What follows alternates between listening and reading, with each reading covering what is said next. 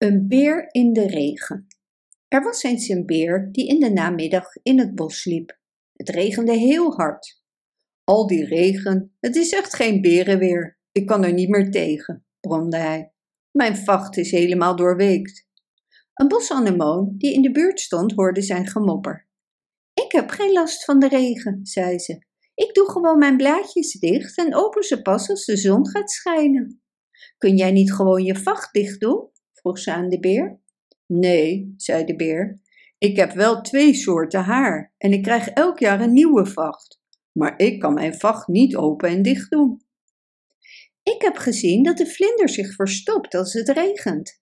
Hij vertelde dat als er grote regendruppels op zijn vleugels vallen, hij dood kan gaan, zei de bosanemoon. Misschien kun jij je ook verstoppen? De beer bromde dat het moeilijk was om zich te verstoppen, omdat hij zo groot was. Heb ik nog een veel beter idee, zei de bosanemoon. Laten we een paraplu voor je zoeken. Ze gingen samen op zoek. Na een tijdje vonden ze op de grond een hele grote tak met dikke laurierbladeren.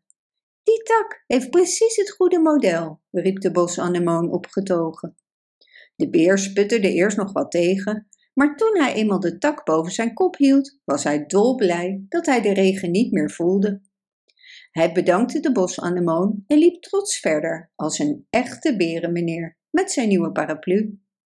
De bosanemoon ging snel terug naar haar plekje in het bos, waar ze wachtte tot de zon ging schijnen, om dan weer haar blaadjes te openen. Bedankt voor het luisteren. Wist je dat je dit verhaal ook op onze website ririro.com/nl kunt lezen, downloaden en printen?